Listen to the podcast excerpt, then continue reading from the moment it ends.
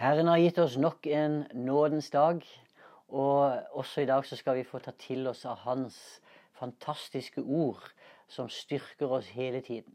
Vi er kommet fram til den 42. dagen i serien 366 dager om Jesus i Gamle testamentet. Vi leser sammen fra Første Mosebok kapittel 33 og vers 20. Der reiste han et alter og kalte det El Elohe Israel. Tittelen på dagens andakt er 'Bare Israels Gud er Gud'. Jakob han hadde jo fått navnet Israel av Gud selv. Og når han kalte alteret han bygde for El Elohe Israel, ja, så var jo det på en måte en veldig frimodig uttalelse. Det var som han skulle sagt 'Bare min Gud er Gud'.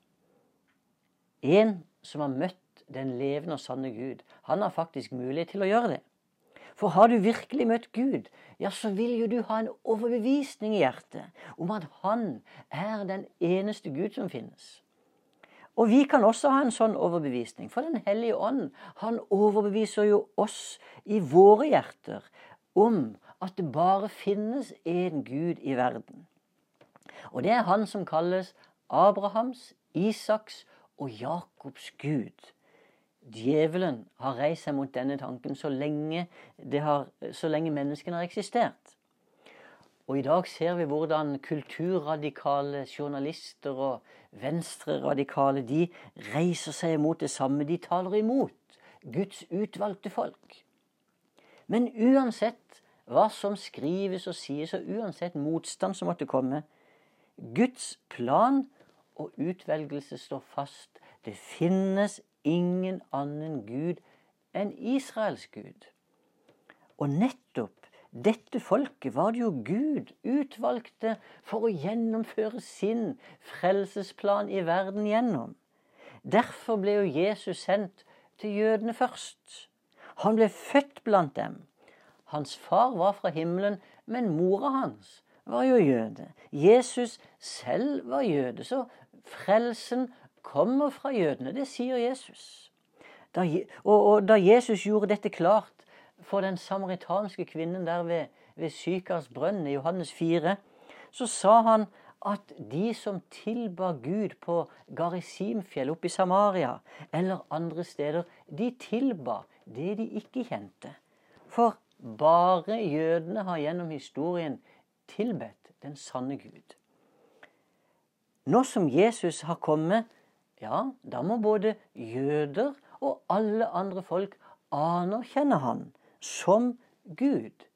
Jesus er den sanne. El Elohe, El Elohe Israel. Han er den Gud som er Israels Gud. Han oppholder seg ikke lenger på bestemte geografiske steder, men han er til stede overalt der han tilbes og æres. Jesus han sa jo også til den samaritanske kvinnen at det skulle komme en tid da Gud verken skulle tilbes i Jerusalem eller på fjellet Garisim oppe i Samaria, men at de sanne tilbederne de skulle tilbe ham i ånd og sannhet. Du ser, den tiden er nå.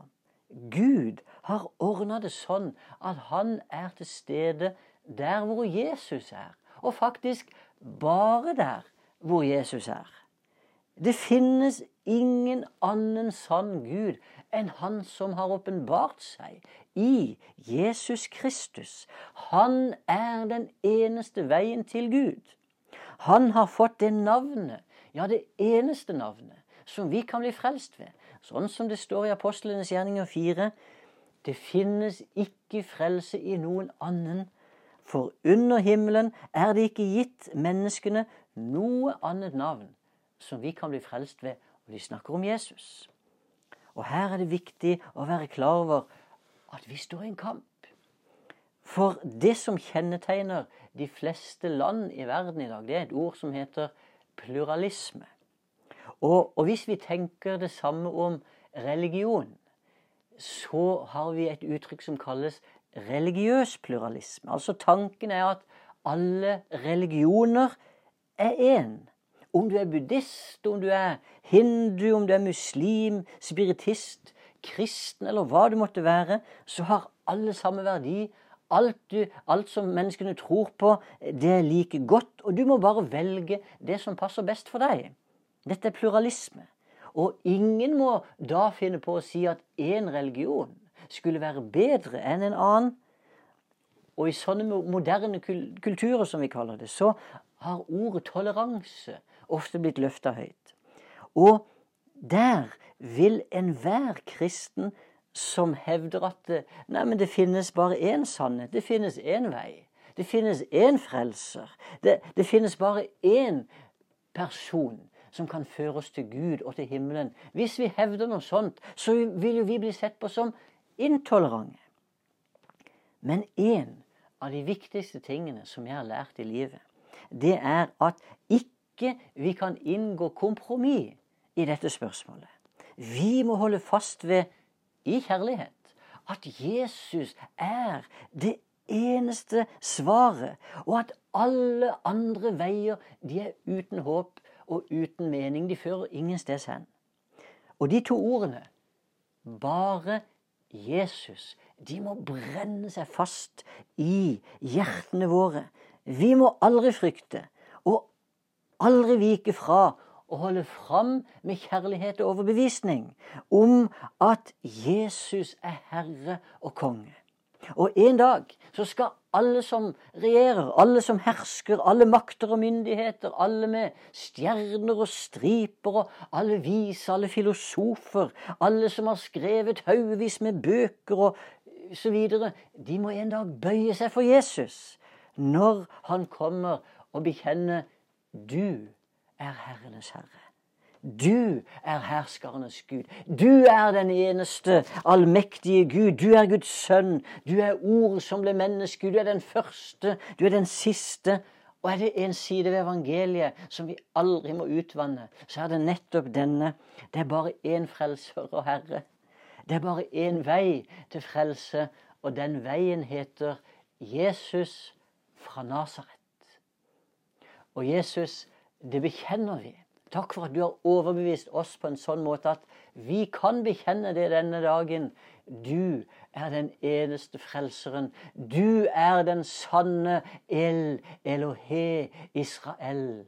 Du er den sanne Israels Gud. Og vi takker deg, far. Takk for at du utvalgte nettopp det folket til å åpenbare din frelse gjennom. Jesus, vi takker også for at du ble jøde. Det var en hensikt.